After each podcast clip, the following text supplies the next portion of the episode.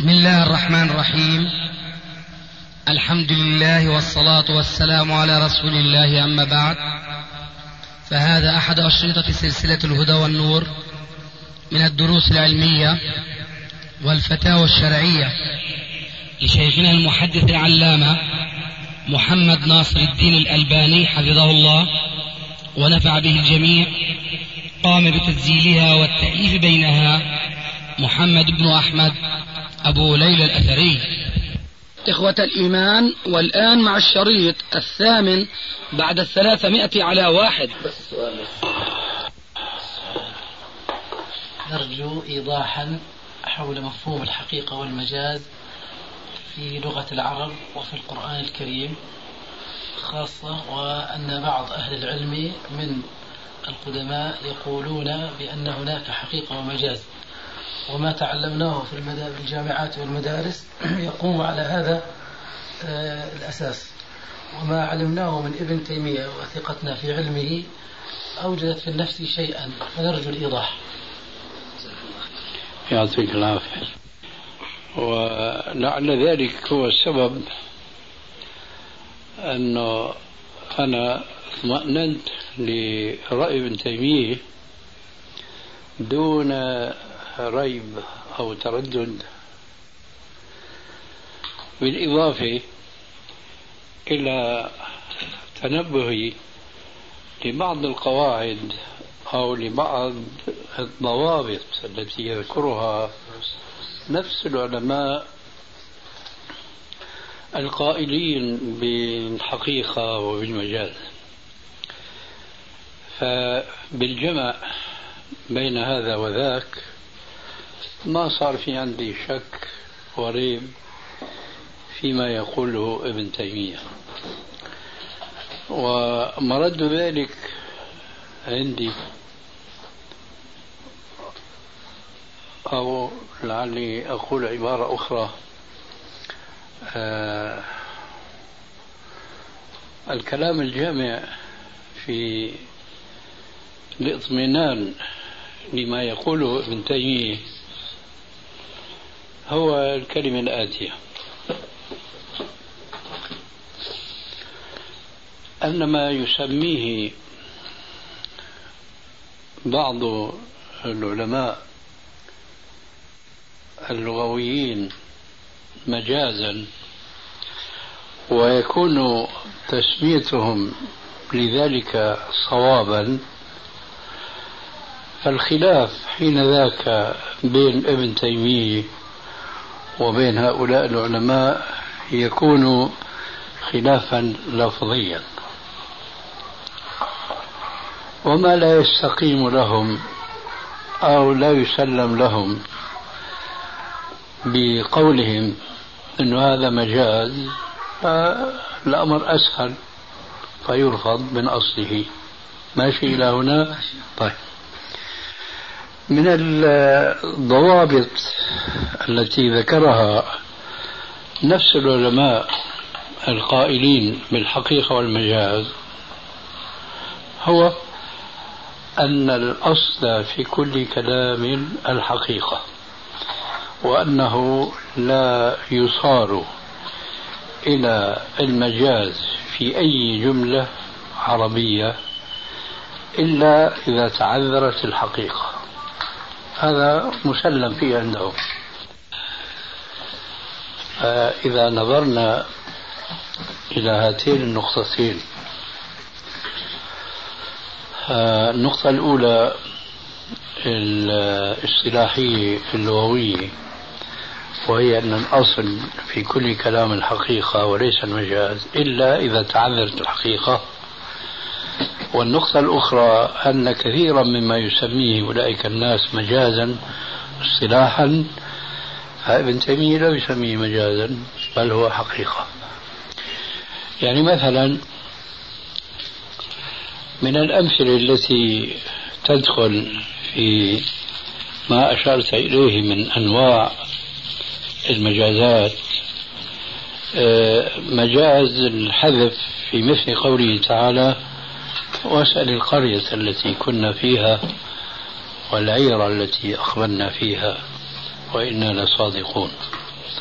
فأي كتاب وأي تفسير من التفاسير المتأخرة والمتأثرة بالاصطلاح العلمي النحوي حيقول لك هذا مجاز.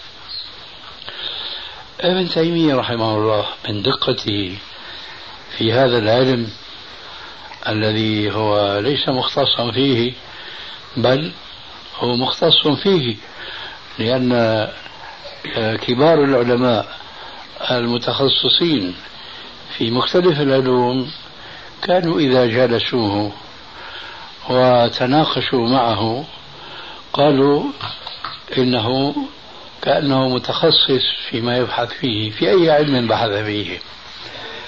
فهو حينما يأتي إلى مثل هذه الآية يقول هذا سموه مجازا ولا مشاهدة بالاصطلاح.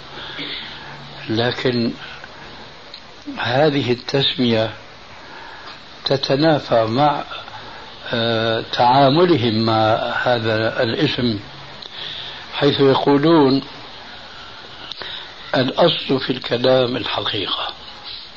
فإذا آه، تعذرت صير إلى المجاز.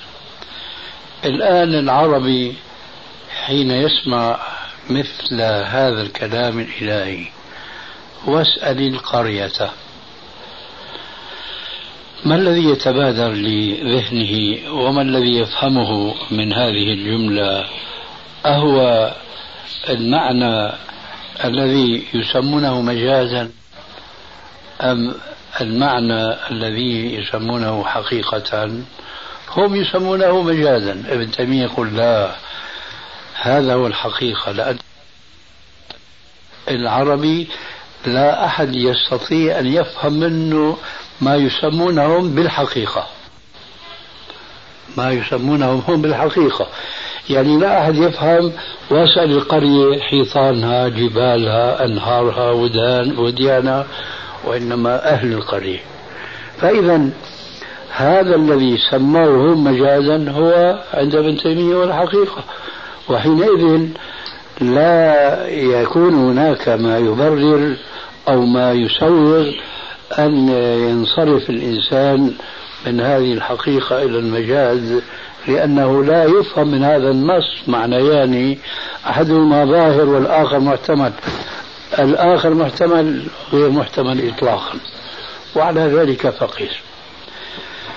فحينئذ ابن تيمية لما أنكر المجاز ما أنكره مطلقا ولكنه أنكر نوع من المجاز يتسامح فيه اللغويون بتسميته مجازا من جهة وهو عند ابن تيمية حقيقة وأنكر ما يتوسعون في إطلاق المجاز في بعض العبارات لأنها لا تدخل في القاعدة إذا تعذرت الحقيقة صير إلى المجاز.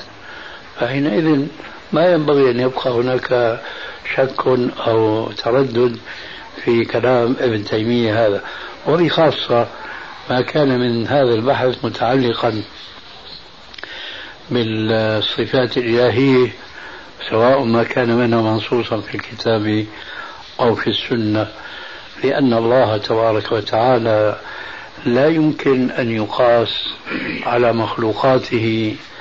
فيقال مثلا في بعض العبارات التي جاءت آه، معبرة عن صفة من صفاته إنها مجاز لأنه حينئذ نقع فيما يسميه ابن تيمية وأمثاله مثل ابن القيم الجوزي وغيره بالتعطيل.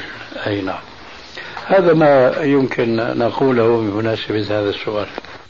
شيخنا الشيخ الشنقيطي رحمه الله له كتاب يعني كبير منع جواز المجاز عن المنزل للتعبد والإعجاز. جميل. أي نعم يعني بحث في المسألة بحثا مطولا. وناقل فيه عن ابن القيم رحمه الله في الصواعق. آه كسر وطن المجاز. فعلا. يعني تكلم كلام مطول يعني. في في أضواء البيان هو. في الاخير في آخر. أيوه هو هذا. رأيت نعم. المجاز. رأيت هذا البحث. نعم. يحاول يطمئن يعني. بارك. صحيح. شيخ والله عندنا سؤال هيك صغير. والله جزاك الله خير. لو توضح لنا الفرق بين لا يجوز أو الحرام. كلمة حرام ولا يجوز. كيف إطلاقها عن الأحكام من الفرق بين لا يجوز والحرام. هل هم نفس المعنى؟ هو هو في الحقيقة ما في فرق بين التعبيرين من حيث النتيجة. هذا كمثل أن يقال حرام وأن يقال مكروه.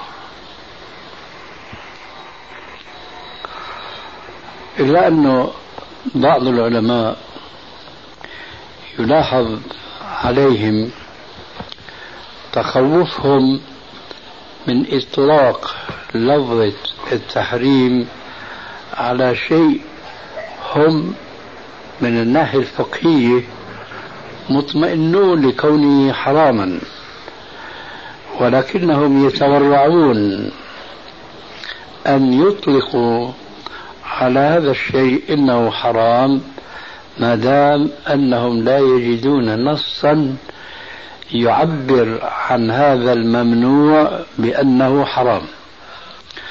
فتورعا منهم لا يستعملون لا يستعملون لفظة حرام وإنما يقيمون بديلها إما لفظة لا يجوز أو مكروه. فإذا التعبير هو تعبير اصطلاحي. ولا يعني أن معنى لا يجوز هو غير معنى حرام أو غير معنى مكروه.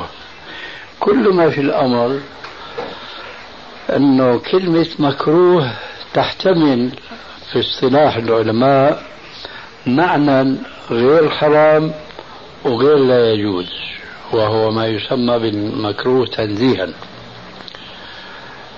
إلا أن الأصل في الاستعمال الشرعي القرآني في الكراهة أنها تساوي التحريم لأن الله عز وجل يقول ولا تقتلوا أولادكم خشية إملاق نحن نرزقكم وإي... نرزقهم وإياكم. إن قتلهم كان خطأ كبيرا. ولا تقربوا الزنا. إنه كان فاحشة وساء سبيلا. ولا تقتلوا النفس التي حرم الله إلا بالحق. إلى آخر الآيات. ثم قال تعالى ولا تقف ما ليس لك به علم. إن السمع والبصر والفؤاد كل أولئك كان عنه مسؤولا. ولا تمشي في الأرض مرحا إنك لن تخرق الأرض ولن تبلغ الجبال طولا. كل ذلك كان سيئه عند ربك مكروها. فالشاهد فكلمة الكراهة تحتمل معنيين. أما حرام ولا يجوز فلا تحتمل إلا معنى واحدا وهذا المعنى يعبر عنه بأحد هذين اللفظين حرام لا يجوز لكن كلمة لا يجوز تستعمل فيما لم ينص على تحريمه. تماما كما هو الشأن في لفظة نهى. تفضل.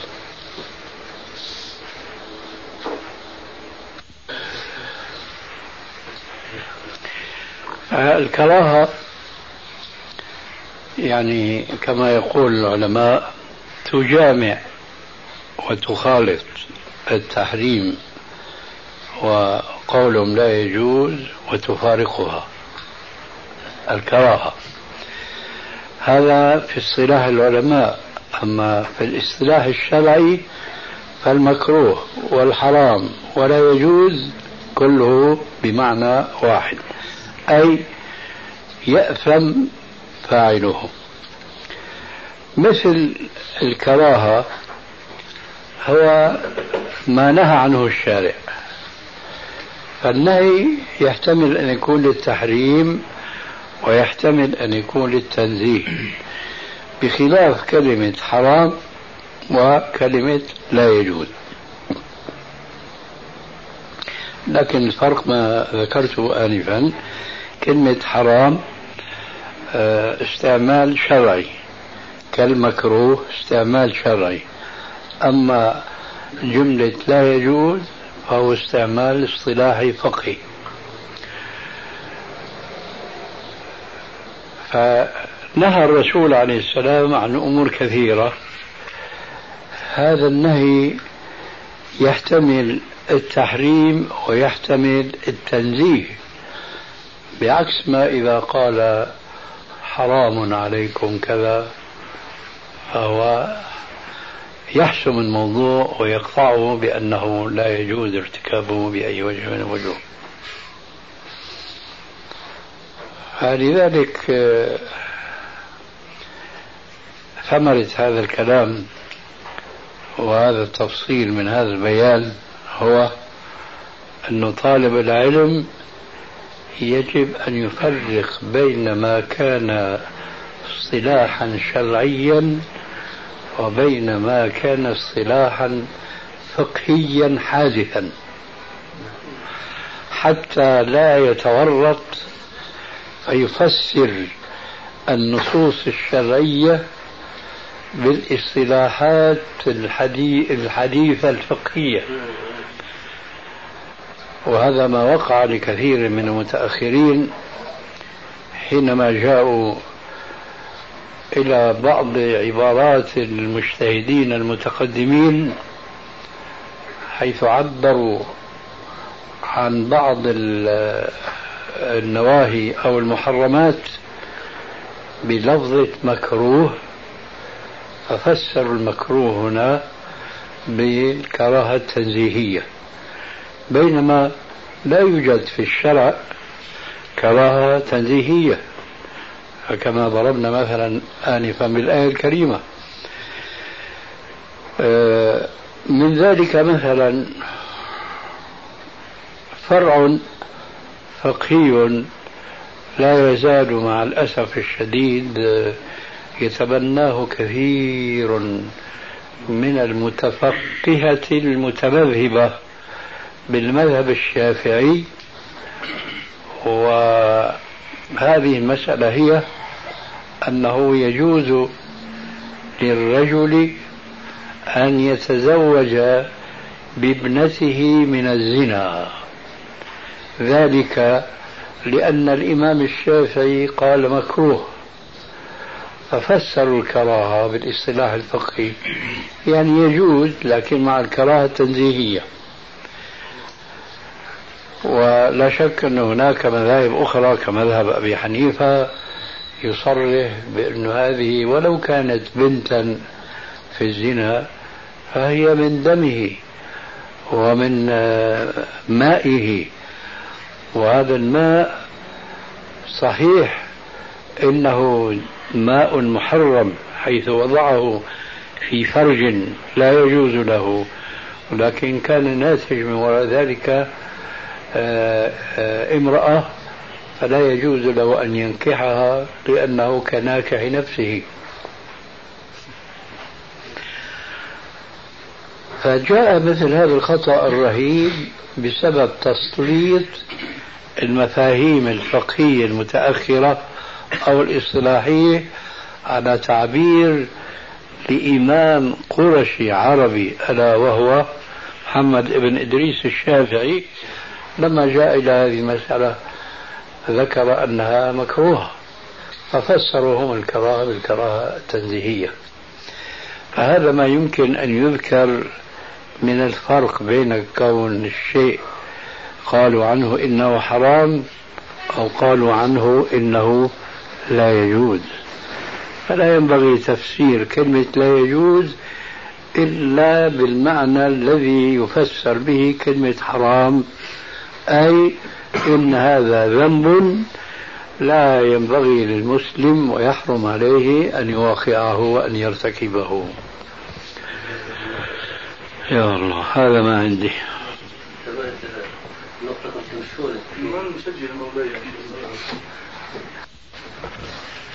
يا شيخنا هناك سؤال في واقعنا المعاصر نسميه واقعنا المعاصر. نحن الآن نعيش في أجواء طبعا لا تخفى على أحد. ومن المحتمل أن يكون هناك سماح للأحزاب في هذا البلد. فإذا ما سمح بهذا الأمر في هذا البلد فأين نحن من هذا الأمر؟ كلام لا يجاب عليه. لأنه كلام مغطى. طيب. ما قول الإسلام في الحزبية والديمقراطية؟ ما في حزبية في الإسلام ولا ديمقراطية في الإسلام. والإسلام غني غني عن كل المبادئ وكل الحزبيات والتكتلات فما عند الله خير وأبقى.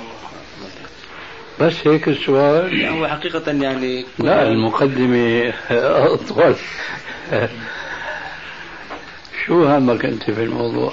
اللي يفهمني في الموضوع يا شيخنا أن سمعنا مؤخرا أن هناك من السلفيين من يفكر في الحزبية بشكل جدي. وهذا الأمر طبعا لا شك أن له أبعاده مستقبلا وحاضرا ومستقبلا في نفس الوقت. فحتى نأخذ الأمر من مصدره إن صح التعبير نعم. وأنت شيخ الجميع ولا شك. نسأل الله أنك طول عمره وحسن الخاتمة. فأردنا أن نأخذ من المصدر. إن شاء الله تسمع تسجيلا طويلا. عند أبو ليلى في هذا الخصوص. أكذلك؟ نعم كذلك مو مجلس ها؟ مو مجلس مجالس. مجالس ها. أو لما قال الحدامي. شيخنا نعم. قل إذا قالت حدامي فصدقوها. فإنه قول ما قالت حدامي نعم. شيخنا ممكن نق- نقول على الأحزاب الموجودة ينطبق عليه حديث الرسول تنقسم أمتي إلى 73 كمان هذا أجبنا عليه مرارا. ونقول كل حزب يتبنى له منهجا غير منهج الكتاب والسنة. وعلى منهج السلف الصالح فهو لا شك داخل في عموم تلك الفرق.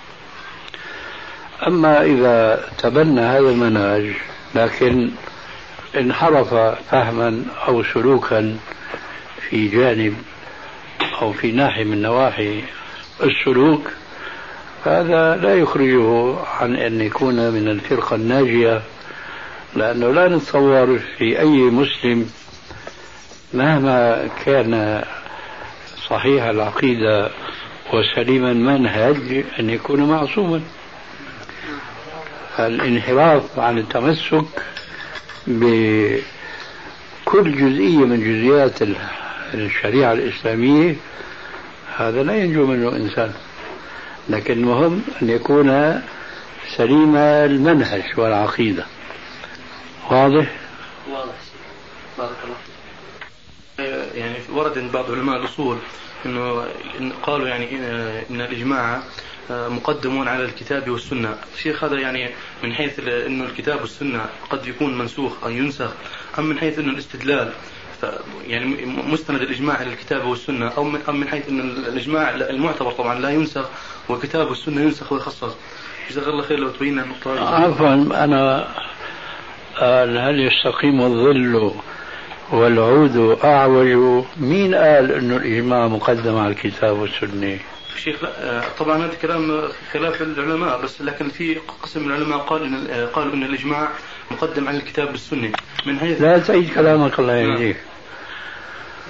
أنت عم تعيد كلامك. آه، أنا عم أسأل سؤال مختصر. آه. من من العلماء قال الإجماع مقدم على الكتاب والسنة؟ والله قسم من العلماء قال شيخ لكن باعتبار أنه لا ينسخ أن الإجماع لا ينسخ والكتاب والسنة ينسخ من هذا صحح مفهومك. أنت مخطئ. حينما تنقل أولا بتقول العلماء قالوا الإجماع مقدم على الكتاب والسنة. بعدين لما يوجه إليك السؤال بتقول بعض العلماء قالوا هذا الكلام. شو قيمة هذا الكلام؟ أنت فكر أن الإجماع هو الذي يمكن أن يرد وليس الكتاب والسنة من أجل الإجماع. ما سمعت يوما ما أو ما قرأت يوما ما ما كنت ذكرت في أول مقدمة صفة الصلاة عن إمام أحمد أو في غير هذا الكتاب الآن أشك. لكن بالسند الصحيح عن الإمام أحمد أنه قال من ادعى الإجماع فهو كاذب وما يدريه لعلهم اختلفوا مر عليك هذا الكلام ولا لا؟ كيف جمعت في مخك ولا مؤاخذة؟ نعم بين اسمع بين هذا الكلام وبأن الإجماع ينسخ القرآن والسنة. شيخ لعل قلت إنه الاجماع المعتبر هو إجماع نعم.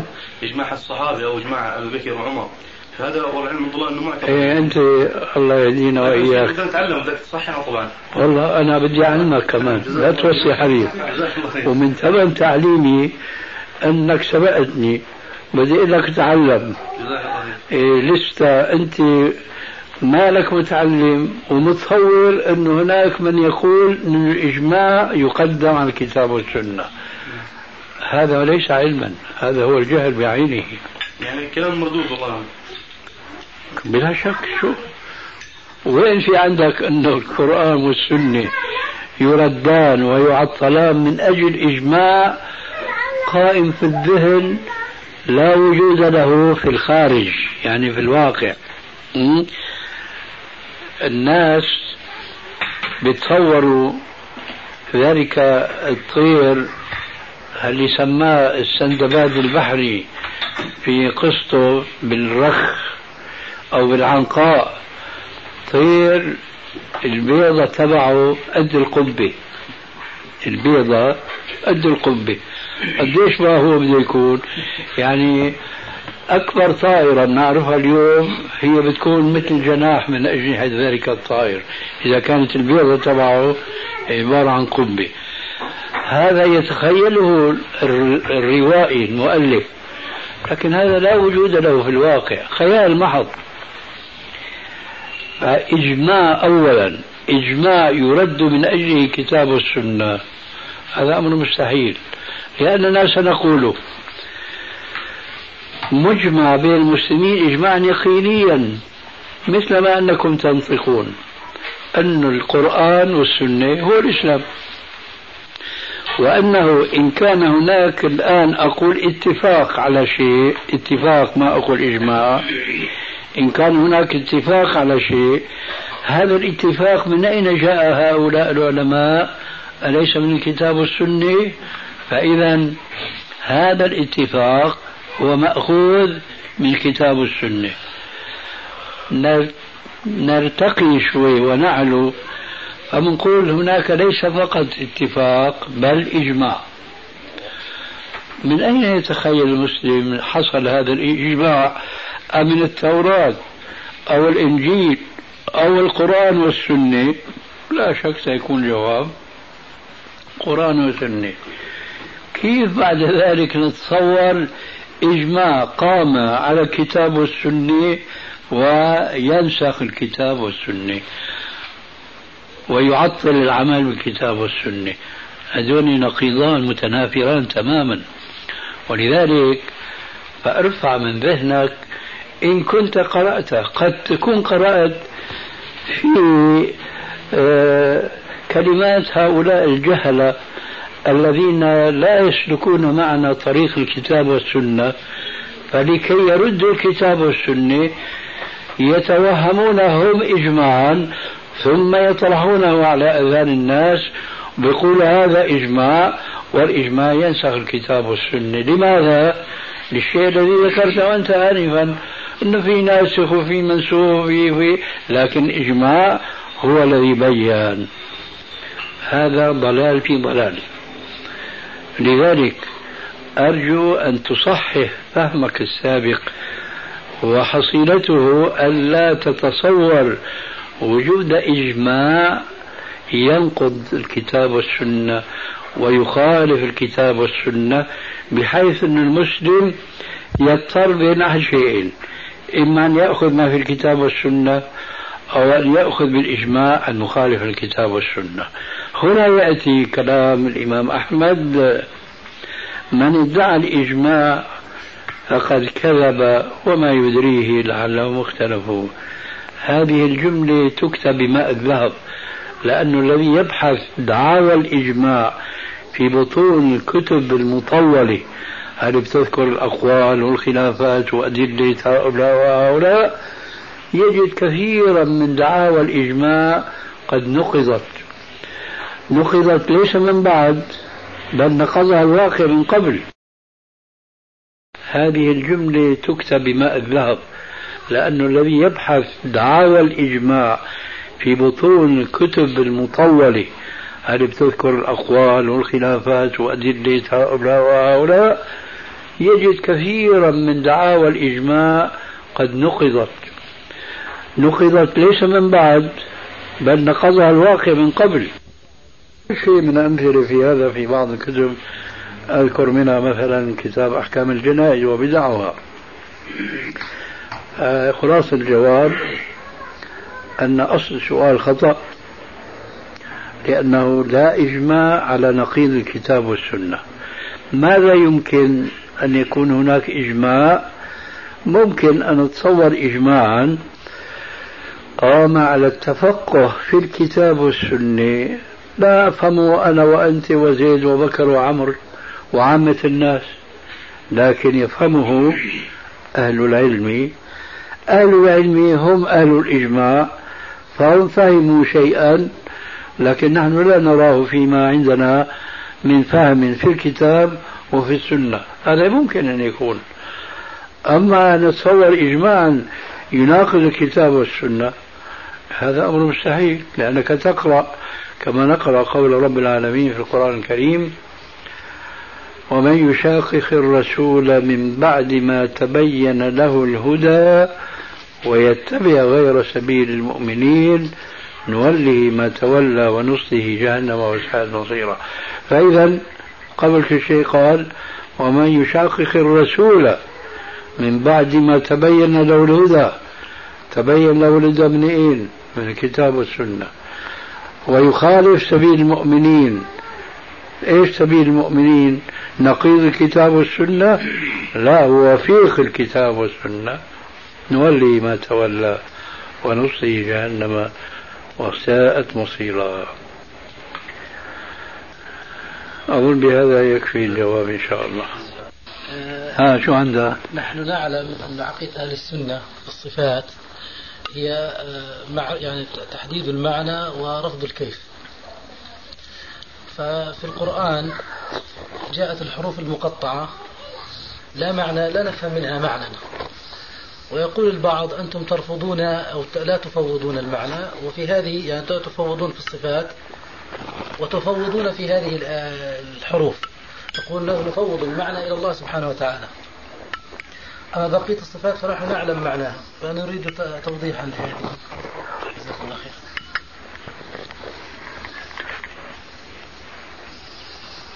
نحن نقول كما قلت ولا نزال ونرجو أن نحيا على ذلك وأن نموت. وهو أن الله عز وجل أنزل القرآن بلسان عربي مبين وأنه تعرف لعباده بأن يصف نفسه ليعرفوه بلسان عربي مبين. فكل عبارة وكل جملة في القرآن والسنة لا شك إن لها معنى عربي على أساس أن القرآن عربي ولهذه الجملة آه، معنى مقصود من رب العالمين يستحيل أن يكون غير مقصود كما يفعل المفوضة وأمثالهم في كل عصر. لكن لا يرد على هذا الإشكال الذي طرحته آنفا لأن هذه الحروف التي افتتحت بها بعض السور القرآنية ليست أولا جملا عربية. وليست ألفاظا معروفة في لغة العرب حتى يكلفوا أن يفهموها هذه الأحرف تخرج عن الأصل الموضوع بالكلية واضح؟ آه. شيء آخر ربنا عز وجل حينما يقول ألف لام ميم حاميم عين سين قاف كل عربي يفهم أن هذه ليست لفظة عربية لها دلالة لها معنى معروف عندهم. فإذا قال أنا لا أفهم لهذا معناها لهذه اللفظة معناها بيكون هذا هو الموقف الصحيح. عكس إذا ادعى أنه يفهم كما يدعي بعض الناس اليوم اللي بيستعملوا حروف الجمل مثلا. والعكس بالعكس. حينما يقول رب العالمين وجاء ربك والملك صفا صفا يقول أنا لا أفهم هذه الجملة. أفوض أمرها إلى الله كما أفوض فهمي لألف لام ميم وهو أمثالها. هذا يكون جاهلا. يقيس المعلوم على المجهول لغة.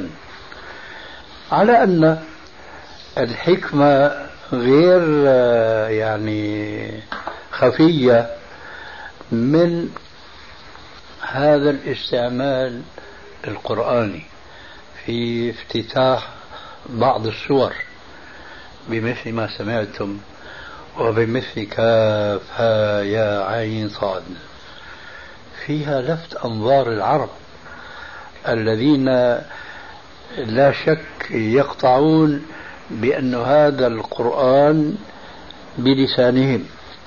وفي الوقت نفسه يقطعون بأنه جاءهم ببعض الاستعمالات التي ما سبق لهم أن عرفوها في لغتهم منها هذه الحروف المقطعة ألف لام ميم. فالحكمة منها أن العربي هذا الصميم حينما يسمع هذا التركيب الجديد يعطي أذنا صاغية. إيش وراء الكلام هذا؟ ولذلك بعض المتأخرين يقولون في مثل هذه الحروف إنها كأداة الاستفتاح في اللغة العربية. ألا أيها الرجل المعلم غيره هلا لنفسك كان التعليم ألا ألا شو فيها يعني انتبه. ألف لام ميم مثلها. ها ميم عين سين قاف مثلها وأبلغ منها كاف ها يا عين صاد. هذا بلا شك يسترعي انتباه تمام الانتباه. نعم. آه. ولذلك فهالشبهة يعني لا تستحق حكايتها. واضح؟ بل هي لنا. نعم. بل هي لنا. لنا بلا شك. نعم. اي نعم. أنا بعرف إن دول الجماعة طشانين يا أبو الحارث. الله يجزيك اي نعم. الله يبارك فيك. يا شيخنا حقيقة سؤال فقهي. نحن نعلم من دين الله سبحانه وتعالى أننا ننهينا عن الإقامة في بلاد الكفار. ولكن إذا كان هناك مثلا امرأة يعيش أهلها في بلاد الكفار وتطلب من زوجها أن تذهب لزيارتهم ومعها محرم طبعا. فهل يسمح لها؟ وإن منعها فهل يكون سببا في قطع الرحم مثلا ويكون آثما عند الله سبحانه وتعالى؟ اذا أنت حينما تقول يسمح تعني يسمح. يعني يسمح لها الشرع طبعا نعم. إيه فمش يسمح يسمح. يعني يسمح لها شرعا قصد السؤال. يسمح لها شرعا. إيه. فهل يسمح لها شرعا؟ لا لأنه الكمالة شو اجيت؟ أنا قصدي في يسمح أنا قاصد كلمة يسمح يعني. طيب والكمالة آه. فهل يسمح لها شرعا تذهب وهل يمنعها زوجها؟ منعها زوجها. فهل يكون آثما؟ أنا أعتقد لا لسه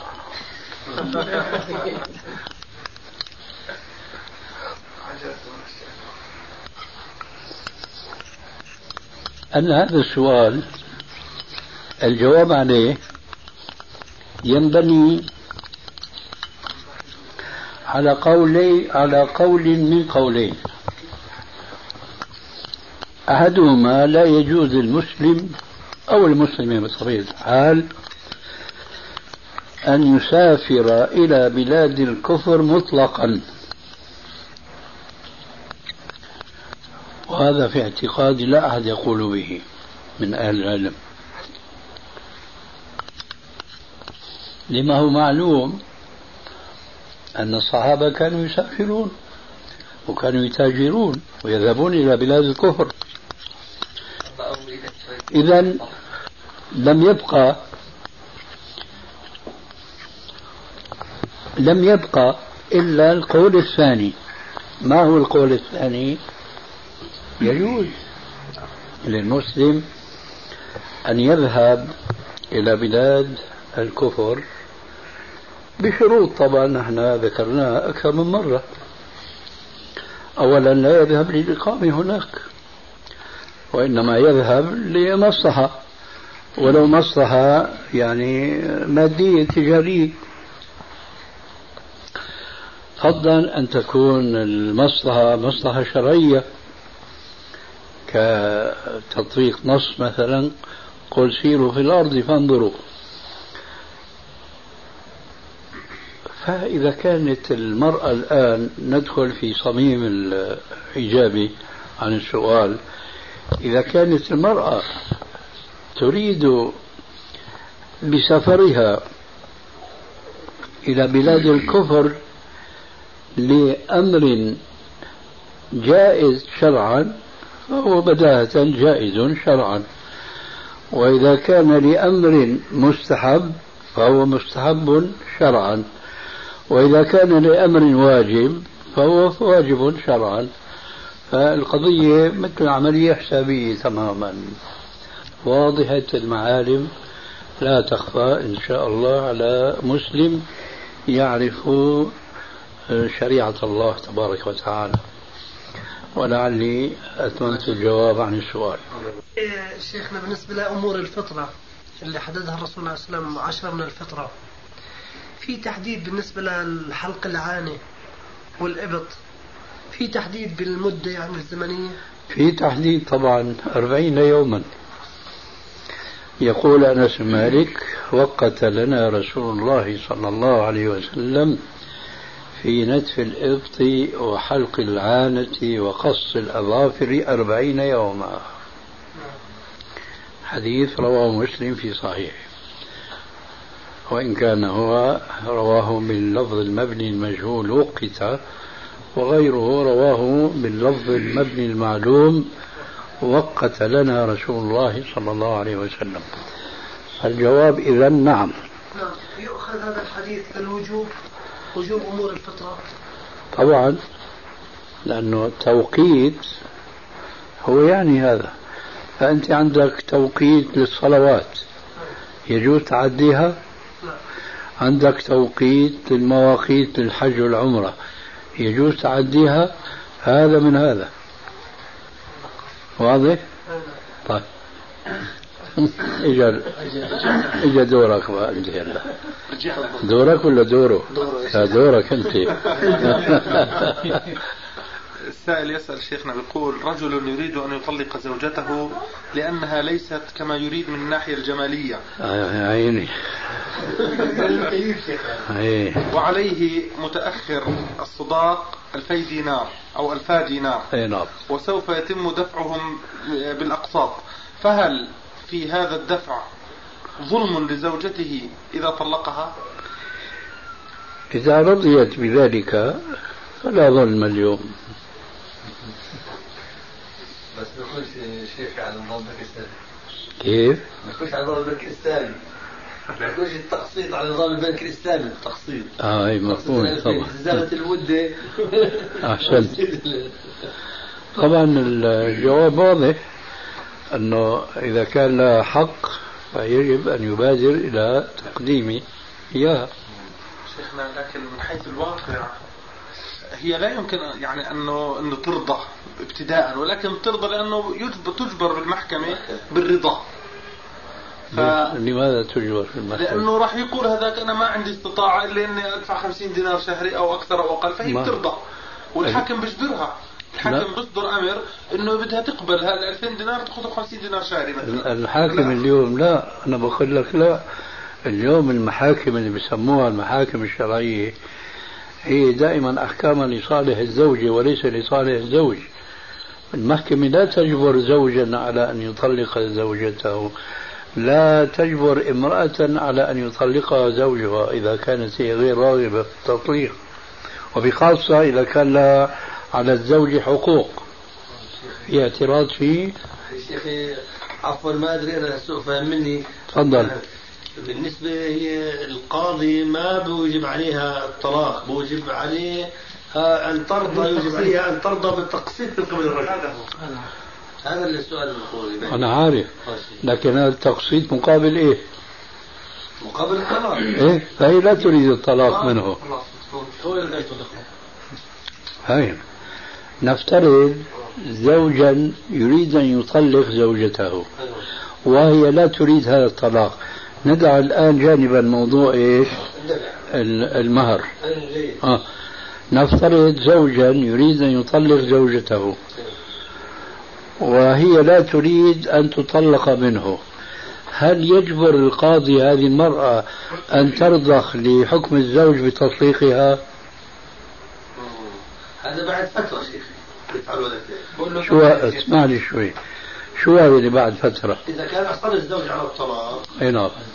فأعطوها بعطوها مهلة طيب مشان يخدموا زي ما تفضلت إنه يعني معظم القوانين الآن في المحاكم الشرعية من صالح المرأة. أي نعم. فبقولوا له هذا الطلاق تعسفي بيسموه هم. إيه كويس. آه طلاق تعسفي. أي نعم. بدك الآن تغيب شهر شهرين ثلاثة حسب ما قدر القاضي. غبنا سنة سنتين. آه ورجع أصر الزوج على الطلاق. أي نعم. فبقول لها يا بنتي هذا مصر زوجك على الطلاق لابد من الطلاق. أنا لا أريد لأنه أنا مالي مقصر معه في شيء فلا أريد أن يطلقني. شو رأيكم المحكمة اللي بتحكم بغير ما أنزل الله تجبر هذه المرأة أنه يطلقها زوجها رغم أنفها؟ أنا لا أعتقد هذا موجود في القوانين. طول بالك هلا أنت بدك لأنه القضية إلى جانبان. أيوة. جانب كما فهمت منكم آنفا أنه القاضي اليوم يرغم المرأة أن يطلقها زوجها وهي لا تريد الطلاق. أنا لا أتصور هذا. لكني أتصور أنه هي توافق على الطلاق حينئذ يأتي الحكم الثاني وهو التقسيط الذي لجأتم إليه قبل أن تعالجوا الموضوع من جانبه الأول آه. فإذا هي وافقت على الطلاق حينئذ يمكن أنه يقسط على هذا الإنسان أن يدفع كل شهر نسبة معينة حتى يبرئ ذمته لكن هذا لا يعني أنها مجبورة هي على الطلاق لكنها هي أيضا كما قيل وافق شن طبقة فهو يريد أن يطلقها وهي يمكن مو مصدقة كمان أنه يطلقها يخلص من شره لغلاصته لبخله لشحه الله أعلم شو العلاقة بينهما. لكن لها حق عليه هذا الحق القاضي بيوافق على التقسيط ماشي هذا. لكن لا يفهمن أحد بأن المرأة تجبر على أن يطلقها زوجها وهي غير راضي بهذا الطلاق. إلا إلا إذا ثبت إذا القاضي ويا ريت هذا الحكم يكون ماشي إنه هذه الزوجة ما بتسمع كلمة زوجها ما بتطيق ربها تتبرج تتخلع إلى آخره. لو رجل أقام دعوة على هيك مرة ما بيطلقوها منه. شيخ الطلاق الغيابي بيسموه الآن الآن عم تحصل حسب ما فعل بعض الناس. بيروح بي زي ما بدينا الحديث إنه بيقول أنا بدي أطلق بقول له قاضي شاور نفسك. شاور زي ما تفضلت ضربت على وعلى رأيك. سنه شاور نفسه بعد سنه وقال بدي أطلقها. بيقول له جيب اثنين شهود بيجيب اثنين شهود. بيقول طلقتها بيكتب الورقة بيقول له عنوانها كذا بيكتب اياها على عنوانها وهي حتى يعني ما هي حاضرة. وبيرسلها ورقة الطلاق أنت طالق معليش بس هي قضية غير قضيتنا. ضروري بيجيبهاش شيخنا معناها لا لا قضية غير قضيتنا انه هذه ما عندها خبر المرأة. أما نحن قضيتنا انه الزوجة مع زوجها مختلفين على جانب مالي مثلا. فهو يريد أن يطلقها فبيرغم القاضي أنه تطلق منه وهي كارهة وهي حاضرة هذا ما بتصور. يعني لو كان الزوج ما بحب هذه الزوجة وهي طبعا ماشي. أصحاب أصحاب تسجل ها؟ عم بيقول لي الشيخ عم بيطخطخ بالصحن عم بقول بقول له كويس هذا يعني بشر إنه مشان اللعب سنة اللعب بسبب غيره. مشان تعرف يا أبو أحمد إنه تسليطة الميكروفون مش هينه ليش بده يطلق؟ آه، لأنها جميلة ولا قبيحة؟ غير قبيحة نعم. هذا هو إيه. أي نعم. فهل هو يعني يكون هذا الزوج ظالما ظالم لهذه الزوجة إذا طلقها يعني؟ ما في شيء آخر إطلاقا؟ أبدا بترد عليه وجيدة وكويسة بترد عليه يعني أي نعم. بالطاوة يعني. بالطاوة نعم. اي نعم. إلا أنها قبيحة يعني فقط. يعني مو مسرور من جمالها. فقط نعم. إيه ما عليه إثم. ما عليك جزاك الله خير. وإياك معنا خشينا في الآيات